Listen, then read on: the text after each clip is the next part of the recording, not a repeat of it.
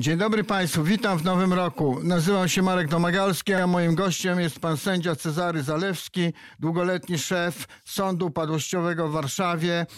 E, I będziemy rozmawiać o zmianie przepisów dotyczących upadłości, w szczególności konsumenckiej, która robi w polskich sądach karierę.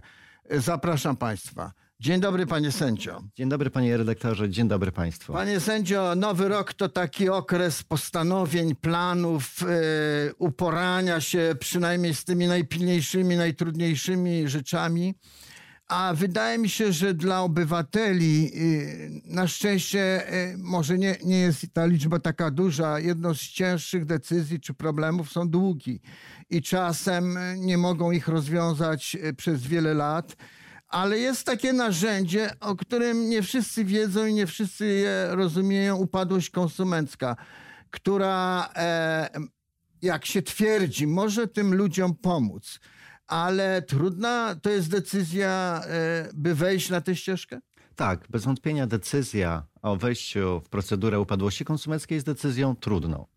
Trudną przede wszystkim dla konsumenta z tego powodu, że samo słowo upadłość źle się kojarzy sama procedura. Niektórzy mówią bankructwo. Prawda? E, to tym bardziej, czy powiemy upadłość, czy bankructwo, no to skojarzenia są ewidentnie negatywne. E, zatem jest uzasadniona taka obawa psychologiczna, co pomyślą sąsiedzi, znajomi. Jest obawa przed procedurą, bardzo długotrwałą procedurą, e, przed sądem, przed nieznanym z punktu widzenia konsumenta, albowiem ta świadomość wśród zwykłych osób, tych osób nadmiernie zadłużonych, wciąż jest niewielka powiedział, y, zaczęliśmy od tego, że y, ten konsument, ta osoba y, z długami stoi przed decyzją, ale czy ona nie jest w pewnych sytuacjach wręcz zmuszona, krótko mówiąc, jeśli nie wejdzie na tą ścieżkę, to co ją czeka?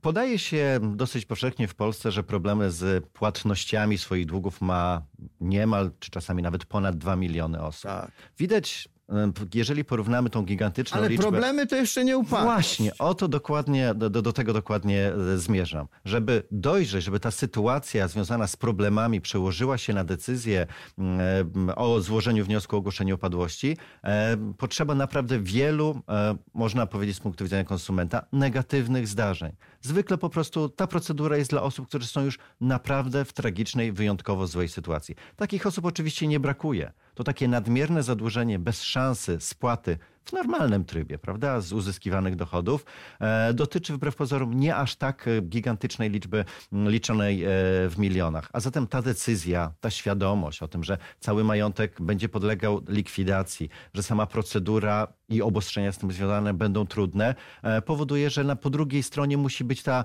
ta naprawdę zła sytuacja, ten brak nadziei wyjścia z tarapatu finansowego. Użył pan sędzia e, takiego prawniczego pojęcia cały majątek e, e, rozumie tego konsumenta, tego dłużnika ulega likwidacji, ale przełóżmy na język polski to określenie czy jemu coś zostaje e, z tej procedury i jak długo, bo już powiedział pan sędzia, że długo trwa to postępowanie, jak długo ono trwa? Tak, oczywiście powiedzenie, że cały majątek upadłego zostanie zlikwidowany w przypadku osób fizycznych jest skrótem myślowym.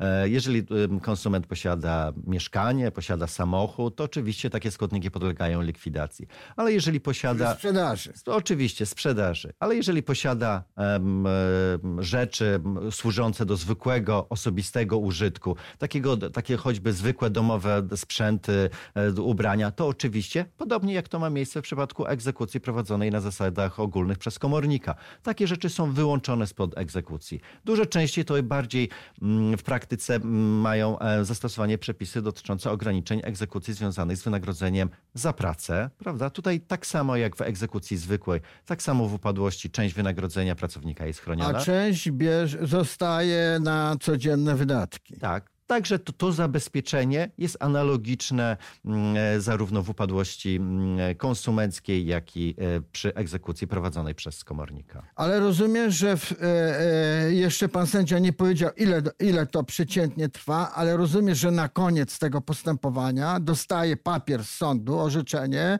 jesteś zwolniony z długów, tak? tak. Tak, te, to, to jest ten cel, to jest e, to dążenie, ta nadzieja, która e, powoduje, że konsumenci decydują się Że na komornik już do ciebie nie zastuka, a Tak. jak zastuka, to mu pokażesz, to pomyłka. Tak, dużo częściej pukają do takich konsumentów firmy windykacyjne, ale tak, taki jak to pan redaktor określił, e, taki papier, czyli postanowienie o umorzeniu zobowiązań na końcu całej procedury mm, e, e, sąd e, wydaje. Ile czasu to trwa?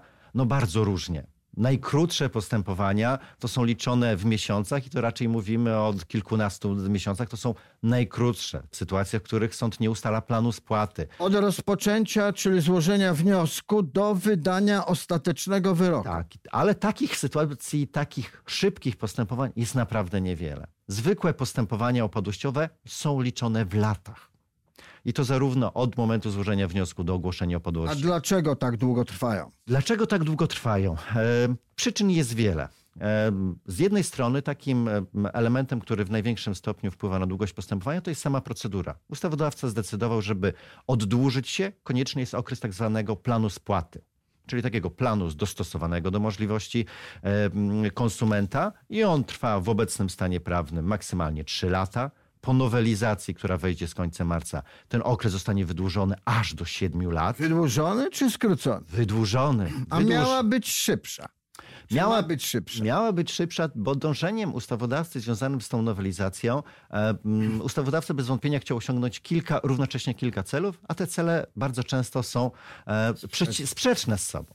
E, Z jednej strony chciał przyspieszyć całą procedurę, ale z drugiej strony chciał umożliwić jak najszerszemu gronu osób skorzystanie z tej procedury, w szczególności osobom, w którym dotychczas sądy blokują, mówiąc mm, że dana osoba nie powinna korzystać z tej procedury Na e, przykład oddłużeniowej. Taka osoba, która w sposób umyślny lub na skutek rażącego niedbalstwa doprowadziła do swojej niewypłacalności.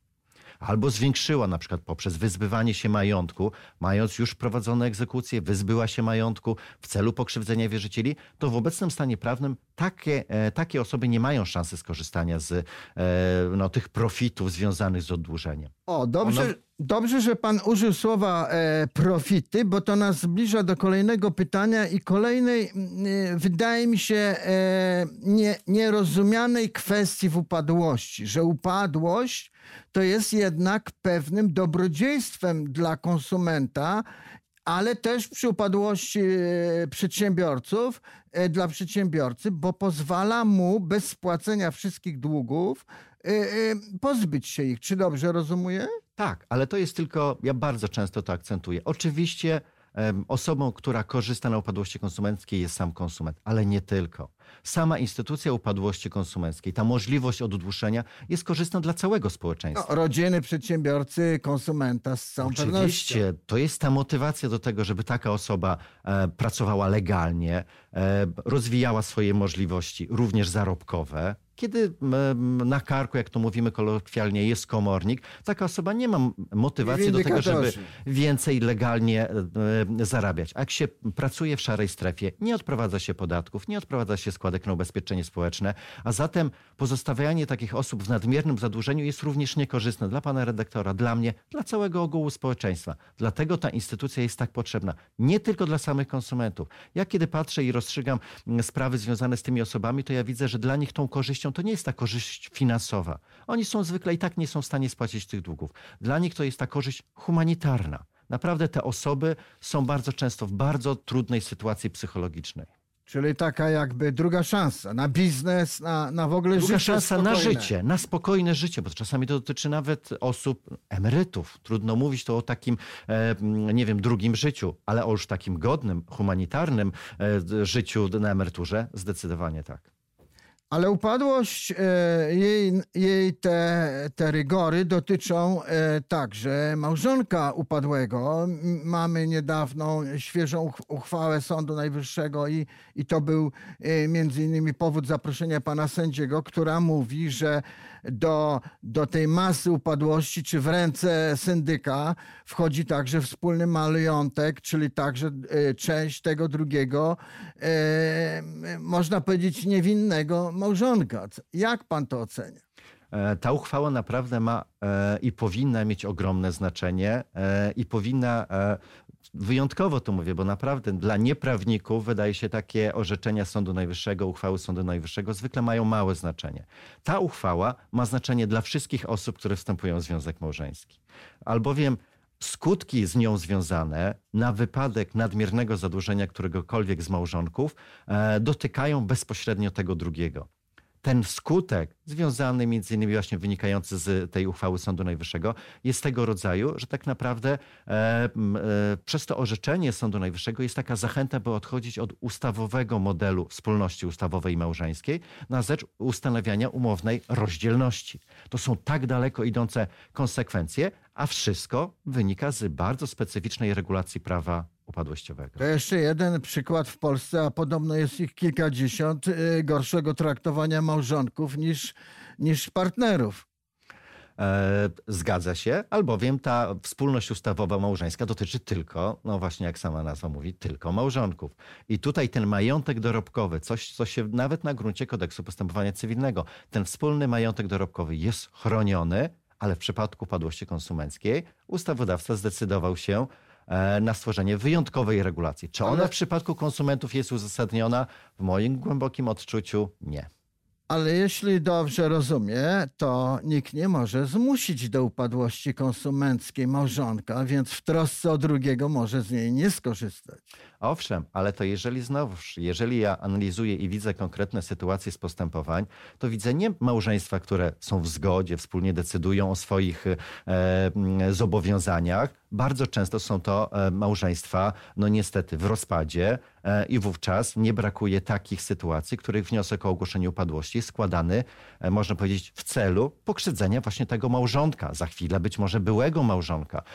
A zatem tych sytuacji faktycznych jest bardzo wiele i ta instytucja może być wykorzystywana bardzo, e, bardzo różnie. Czy przeciętny Polak da sobie radę z tą procedurą, panie sędzio, czy powinien sięgać do, po, po adwokata?